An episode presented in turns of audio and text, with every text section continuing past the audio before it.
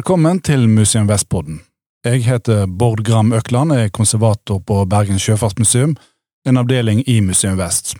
Og eh, dette opptaket her, denne podkasten her, den sender vi fra biblioteket på Bergen sjøfartsmuseum, og vi er omgitt av masse, masse gamle bøker, og det er masse sjøfartshistorie, og det er jo en veldig fin ramme for det vi skal snakke om, for denne episoden handler om Hanna Brummenes og Bertha Torgersen. To kvinner som startet rederi i Haugesund tidlig på 1900-tallet. De var kompanjonger, de var samboere, og gikk på folkemunne under navnet Mannedammene. Gjest i studio er Arne Vestbø. Han er medieviter og forfatter, og har skrevet biografi om de to kvinnene. Den boken utkom i 2021 og heter Brummenes og Torgesen, verdens første kvinnelige skipsreder. Arne Vestbø er også generalsekretær for Norsk faglitterær forfatter- og oversetterforening. Velkommen. Takk skal du ha. Hva var det som fascinerte deg, eh, som gjorde at eh, du eh, ville skrive en biografi om Brummenes og Torgersen? Ja, det var litt av det du sa i innledningen her, da. At, at jeg, jeg, er vokst opp i Haugesund, som man fort hører når jeg begynner å snakke. Ja. Jeg bor i Oslo nå, men jeg vokste opp i Haugesund. Og dette var navn man kanskje hadde hørt om som et av mange rederier i, i, oppveksten, som en del av lokalhistorien. Men eh, etter hvert, når jeg begynte å snakke med folk, egentlig ikke så fryktelig mange år siden, 10-15 år siden, så, så, fikk jeg disse hovedoverskriftene som du egentlig ga nå, at det var et rederi i Haugesund for 100 år siden med to damer, og det var et eller annet som gjorde at de, de hørte mer sammen enn at de bare var i et kompaniskap. Og så, eh, og så er det jo en fascinasjon i det, da, at dette en ting er at det er lokalhistorie her, men det er jo sjøfartshistorie, og så er det en liten bit av skeiv historie, og så er det kvinnesakshistorie. Så fascinasjonen var nok at her er det så mange elementer, så her må jeg prøve å, å, å grave litt og være litt detektiv og se hvor mye man kan klare å finne ut. Og hvor var du gravde henne? Altså, hvor, hvor var du fant eh, kildene? Ja, det er jo Vi har fått veldig mange gode digitale verktøy. Eh, så ikke minst nettbiblioteket, det som før eh, var kjent som Bokhylla, altså nettbiblioteket til Nasjonalbiblioteket gjør at man har utrolig god oversikt nå. Hvis man vil så kan man, eh, og har tid, så kan man sitte og søke seg fram til veldig mye gamle aviser, gamle bøker, og det kan man nøste videre på. Og så er det klart det er digitalisert mye i norske arkiver og museer, eh, som gjør at du liksom du finner noen spor. Og så lenge du finner liksom et navn som her da Brummenes Torgersen, eller eh, navnet på et skip, så har du ofte en tråd du kan nøste videre på, og da kan det være du må tilbake igjen til de gamle papirarkivene og og eh, i, i, nede i mørke kjellere og, og, selvfølgelig snakke med folk og sånn, men det, men det er, det er mange, mange, innganger nå. Men det er jo museer, arkiver, bibliotek. Noen av de viktigste institusjonene vi har i Norge. Ja, men så bra. og, og, eh, ja, skryt, skryt til museene litt. Det må vi gi. Ja, ja. Um, men tilbake til de to. Også, hva, hva, vet du om på en måte, familiebakgrunnen deres? Også, var det noe som skulle tilsi at Eh, de ville gjøre en si, karriere i skipsfart? Altså som de begge to er bys, altså ordentlige bysbarn av Haugesund. Haugesund eh, I 1840 var Haugesund et bitte lite sted med bare noen titalls innbyggere.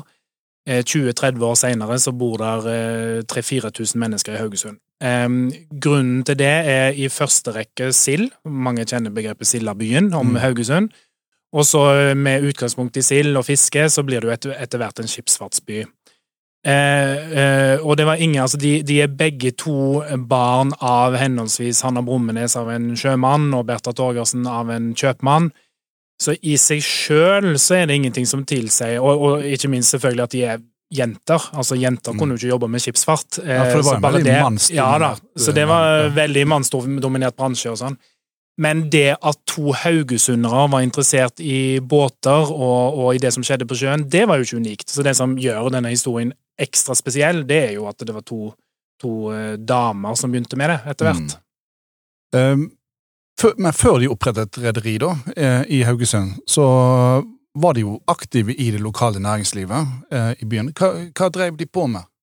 Jo, de drev, en, eh, de drev i mange år i Haugesund, og, etter hvert når de driver rederi, så driver de parallelt med en klesforretning, rett og slett. Eh, manufakturforretning, som man kalte det på, på den mm. tida. Lå den inne i Haugesund sentrum? Den lå i Strandgata, som fremdeles er en flott gate i, ja. i Haugesund, og som var hovedgata på den tida. Nå kjenner mange til Haraldsgata, kanskje, som er ei lang gågate i Haugesund. Eh, på den tida så var det hak hakket lenger ned mot sjøen, lå Strandgata, og midt i den så drev de en klesforretning. På litt ja. ulike beliggenheter, men, eh, men, alltid i Strandgata, på ulike steder i Strandgata. Mm.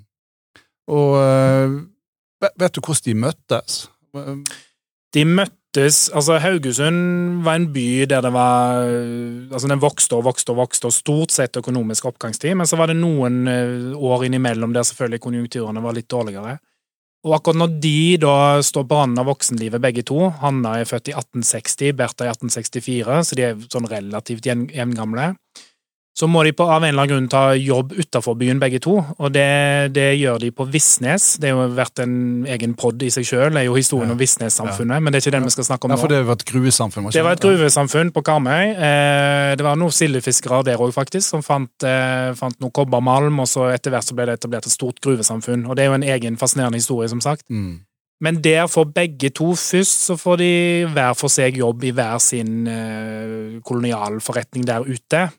Men så etter hvert så får uh, Hanna, hun eldste av de, uh, muligheten til å overta en, en, butikk, og så på en eller annen måte, jeg vet ikke hvordan, men de var jo da en del av det samme miljøet der ute. Så møter de hverandre og etablerer da Den første kilden er faktisk en som sier at uh, i dag har Hanna Brummenes og Bertha Torgersen etablert firmaet Brummenes og Torgersen, som da er, en, er rett og slett en butikk ute på Visnes. Ja.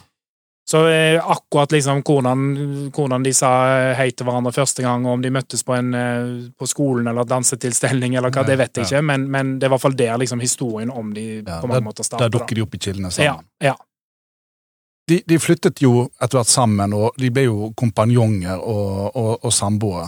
Var, var, det vanlig at to kvinner eh, levde sammen på den måten den, på den tiden?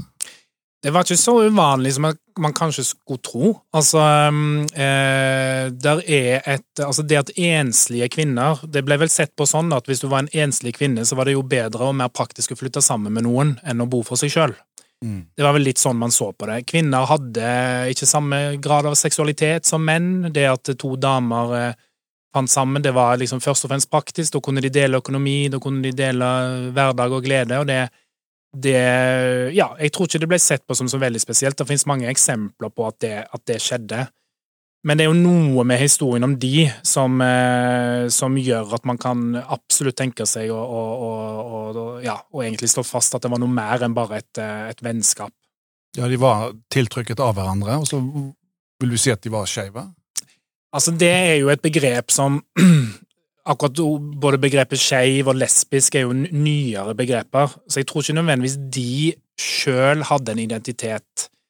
Og om de var tiltrukket av hverandre, eh, blir jo òg da Jeg har ikke funnet noen kilder som sier det, eller noen som at, at, man kan vite at det var sånn, men at de hadde en sterk en eller annen form for sterk kjærlighet og, og, og sterk avhengighet av hverandre, det hadde de åpenbart. Så, så i dag er jeg jo helt sikker på at de, de, hadde blitt sett på som et par og hadde definert seg som et par. Men, jeg, men når vi går tilbake til den tida, så er jeg ikke sikker på om de sjøl engang hadde begrepene for det. Nei, og man manglet, Folk flest mangler vel begreper òg på den tida. Ja, ja, de gjør jo det. Altså, altså, jeg tror Hvis jeg ikke husker feil, så dukker ordet lesbisk dukker opp i et leksikon første gang rundt 1910. Så bare, bare mm. det at man, liksom, man hadde et begrep om lesbiskhet, det det, da snakker man seinere i deres liv, da, i tilfelle. Altså dette, nå er vi jo rundt 1890 eh, når de, eh, når de slår seg sammen. Ja.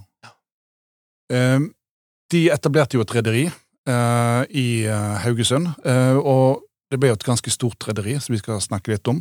Men, men når, når, skjedde dette her, og hvorfor gikk de inn i rederivirksomheten?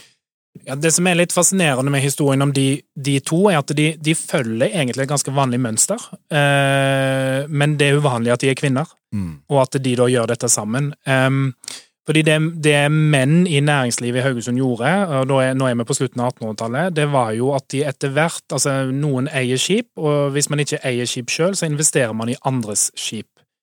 Eh, man driver kanskje en forretning, sånn som de gjorde, eh, men det andre damer nøyde seg med denne ene forretningen, der har de på et eller annet tidspunkt bestemt seg for at ja, vi vil gjøre det samme som våre mannlige kollegaer, vi vil investere deler av formuen vår i skip. Mm. Så kapitalen var egentlig fra eh, butikken, da? eller? Ja, den, den, må ha vært det, og etter hvert så har de jo sikkert lånt litt penger i banken og sånn, mm. men, eh, men de, formuen vokste gradvis. Jeg har jo gått gjennom skattelistene og oversikter over det, og det, du ser at det er noen tusenlapper, eh, altså, og det er jo mer penger i dag enn det var da. Ja. Eh, eller motsatt. Eh, eh, så de investerer i sin De kjøper sin første part, altså dette var jo før aksjeselskapene oppsto. Så, så, det er partsrederier? Det er partsrederier, som man kalte det, ja. Eh, så den første parten, da, som ofte var delt i 100, og da var det jo flere eiere eh, i et skip, men den første parten de kjøper, det er i 1898, og det er i et dampskip, og dette er jo liksom akkurat i den brytningstida der seilskipene går over Altså dampskipene tar over for seilskipene i, i skipsfarten, og Haugesund har etablert seg såpass som by at det begynner å bli en av de store skipsfartsbyene, for der Sørlandsbyene eh, var veldig store når det var seilskip, så, så, begynner Haugesund, Bergen, Tønsberg, en del andre byer å bli større når dampskipene kommer. Og midt i dette så kjøper da de sin første part. Mm. Og byg, de bygger seg opp eh, i, med ulike parter, da, i, ja. i ulike skip. Ja. Og det er vel kanskje en måte å spre risikoen på òg? Det er det selvfølgelig. De, de, investerer i tror jeg har funnet ut en sånn ti-tolv skip som de kjøper parter i hos eh, noen av de store Haugesundsrederne, særlig Vrangel, som mange har hørt om. Men òg i Stavanger, hos Bergesen og Vestfold Larsen i Bergen. Så de istedenfor å kjøpe, satse alt på ett skip, så satser de på forskjellige skip. Der det da er et system sant, der de når eierne da eh, henter ut utbytte, så får jo du da de sin del av dette utbyttet etter hvert. Mm. Hva, hva, type skipsfart var det? Altså, hva, type skip, altså, hva, hva fartsområde gikk disse skipene deres på? Ja, altså I begynnelsen så um, Altså Dette er jo fraktfarten, da. Så det er jo, mm. det er jo mye Så det er Vanlig lasteskip, kan du si. Vanlig lasteskip, ja. ja. Ikke passasjerskip og sånn. Det er lasteskip som uh, det er mye fisk, altså noen ganger fra Haugesund, men som, når man snakker om fraktfart, så snakker man jo da om at eh, skip som går mellom ulike destinasjoner som ikke nødvendigvis har noe med hjemmehavnen til skipet å gjøre. Så dette er jo båter som går på kryss og tvers over, eh, særlig langs europeiske kysten, over Nordsjøen, inn, i, eh, inn, i, inn til Polen og, Finland og Sverige, men òg over til Atlanteren etter hvert.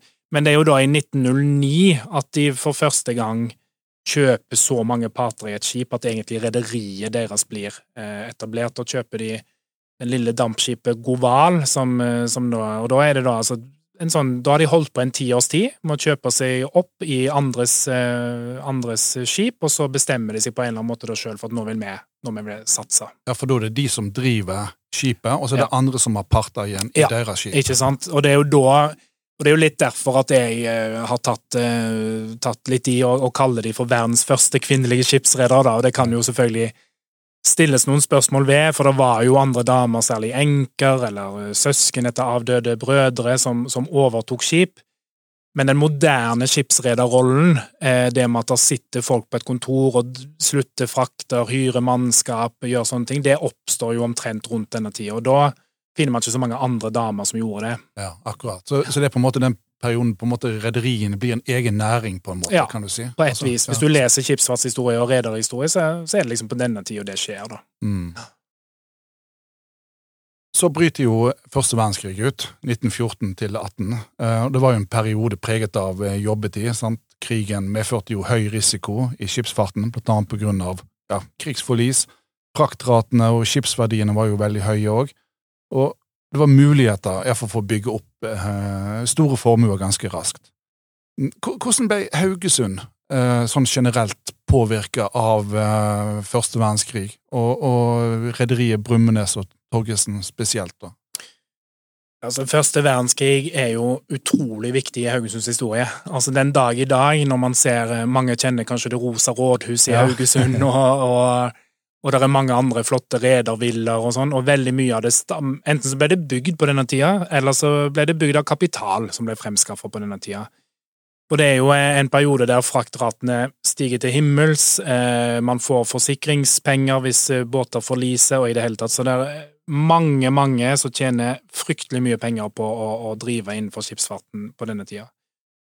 Og midt i dette så har jo da Brummenes og Torgersen nettopp begynt som redere på et vis. Da jeg nevnte altså 1909 kjøper de sitt første skip, og det forliser i en tragisk uh, forlis i en, en, storm der flere 14 mennesker mister livet. Uh, men de kjøper et nytt skip, og da i, i, 1914 og de første årene da av verdenskrigen så bygger de opp en flåte på på fire skip. Det høres kanskje ikke så mye ut, men fire skip er en god del. Altså, det er godt over 100 mann som uh, menn da, som, som, som jobber der, åpenbart. De har kvinner som sjefer, men det er menn som jobber på båtene. Eh, og Haugesund på denne tida har da vokst fram til å bli den tredje, fjerde, første skipsfartsbyen i Norge.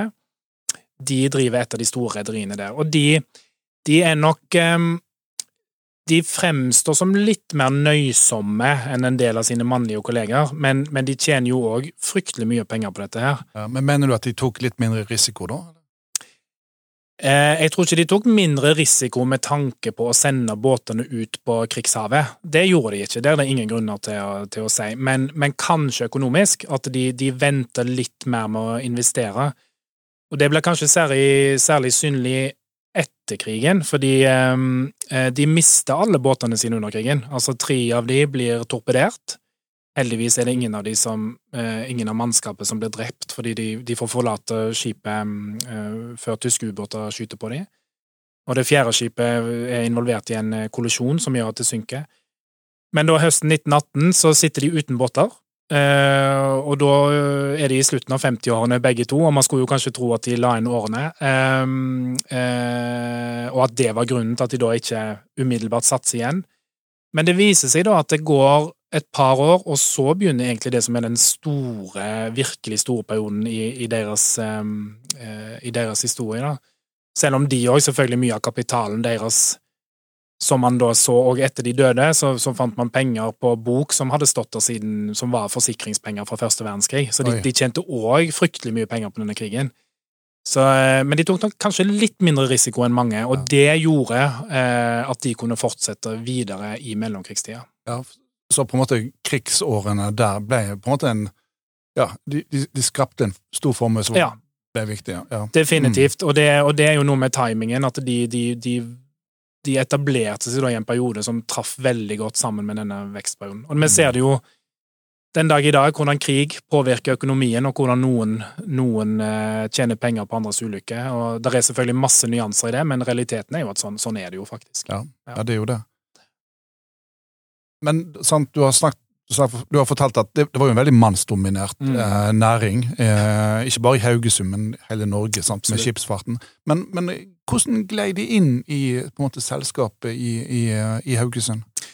Det er jo en av de tingene jeg syns var veldig fascinerende å finne. Altså, eh, de fulgte som sagt eh, egentlig et veldig sånn eh, kjent mønster for, for mannlige næringslivs, altså næringslivsmenn, der de da etter hvert etablerer seg på skipsfarten og, og, og investerer i skip. Og, og, det er særlig Hanna Brummenes av de to som da inntar en offentlig posisjon. Mm. Og, og det fascinerende er at de ser ut som de har blitt ganske godt akseptert. Eh, kanskje fordi de nettopp fulgte dette mønsteret. De, de, kom ikke inn der med veldig sånn feminine dyder og skulle, skulle inn og liksom endre skipsfarten og ta mer hensyn til få mer kvinner om bord i båtene eller gjøre sånne ting. De fulgte, de fulgte på mange måter mønsteret. Så det, og det jeg har funnet av flere sånne avisartikler der det står kommentarer om dem, så er det mer sånn Det er flott at vi har fått to så flinke, dyktige damer i bransjen, og og mer enn hjertelig velkommen, og håper det er flere som følger opp. og sånn. Det er kanskje litt ja. overraskende, egentlig, at det, at det, er det kildene viser. Ja, Spennende. Og, og, og mange skipsredere engasjerte seg jo politisk òg. Uh, eh, Mowinckel, for eksempel. Mm. men, men, men, disse to engasjerte de seg? Ja. Igjen eh, nok et eksempel på at de følger det mønsteret. De fikk makt som næringslivsfolk, og så inntar de da politikken. og, og Bertha Torgersen, den litt mer forsiktige, holdt seg i bakgrunnen, var nå òg medlem, og jeg har funnet henne òg i medlemslistene på, på diverse ja, partier og organisasjoner, men det er særlig Hanna Brummenes, da. Og, eh, og, hun satt i bystyret i Haugesund i mange år, hun var med i formannskapet, ved ett valg fikk hun flest stemmer av samtlige i Haugesund, og sto faktisk òg på stortingslistene til Frisinnede Venstre, dette partiet som hun representerte i på begynnelsen av 20-tallet. Hun kom ikke inn, men, eh, men det er jo likevel eh, sier litt om hennes posisjon. da. Ja, absolutt. Engasjerte de seg i kvinnesak òg? Ja, definitivt. De var, de var medlemmer av eh, lokale kvinnesaksforeninger, de var livsvarige medlemmer av Norske kvinners nasjonalråd, og eh, åpenbart kjente veldig mange av disse, disse eh, ja, Gina Krogh, Fredrikke Kvam, Betzy Kjelsberg, mange av disse her kjente kvinnesakskvinner var de åpenbart en del av miljøet rundt, men jeg har ikke funnet at de tok noen verv eller var liksom engasjert i, i tillits... Ja, blir jo feil, da, men tillitskvinneapparatet i disse foreningene. Men at de var en del av det, åpenbart. Åpenbart. Ja.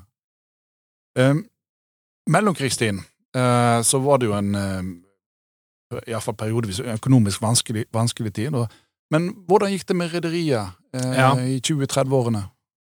Jeg var så vidt inne på det. Altså, de, de klarte jo faktisk da å vente akkurat lenge nok etter første verdenskrig til å begynne å investere på ny.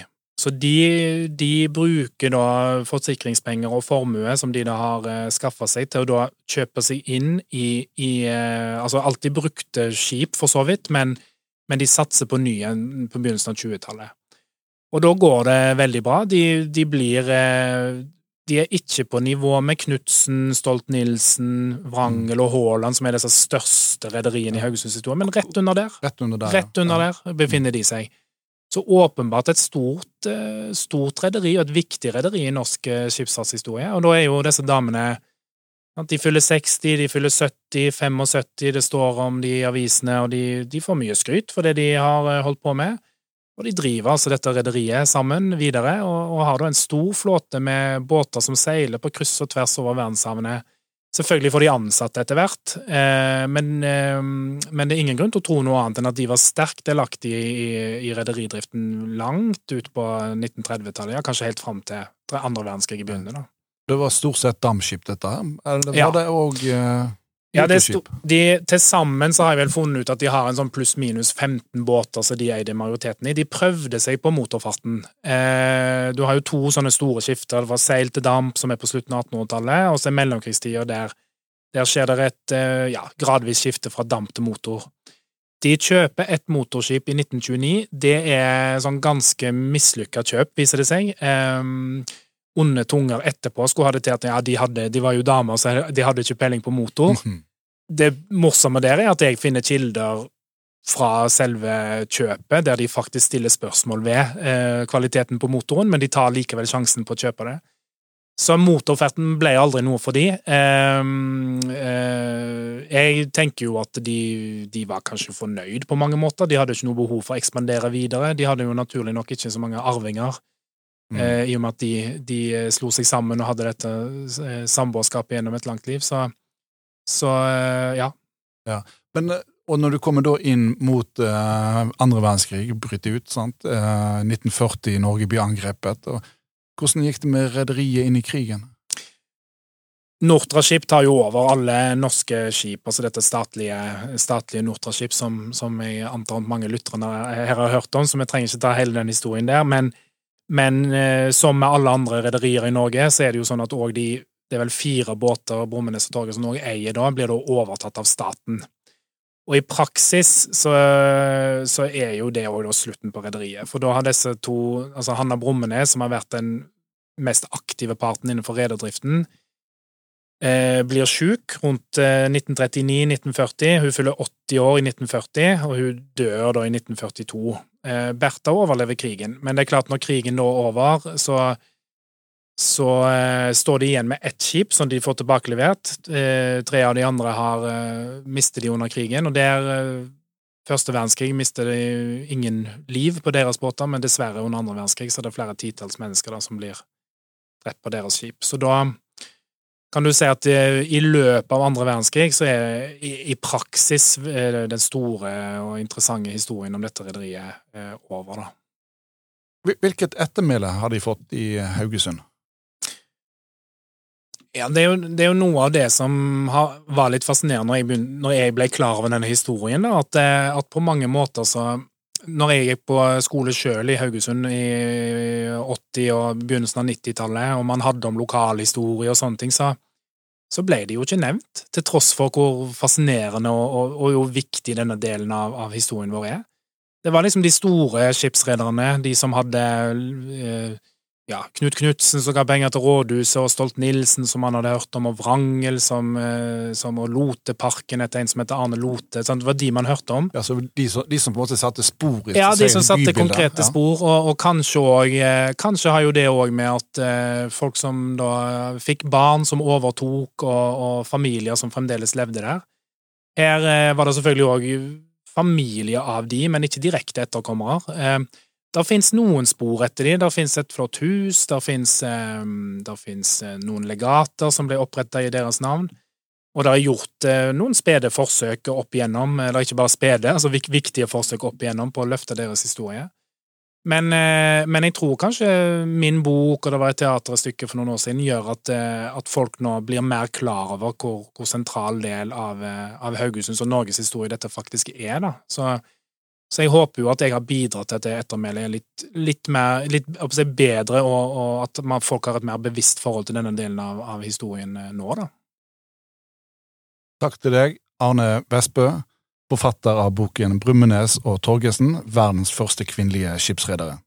Takk òg til produsent Magnus Kvarving ved Bergen sjøfartsmuseum, og takk til deg som lytter på. Følg oss gjerne på Spotify. På gjenhør.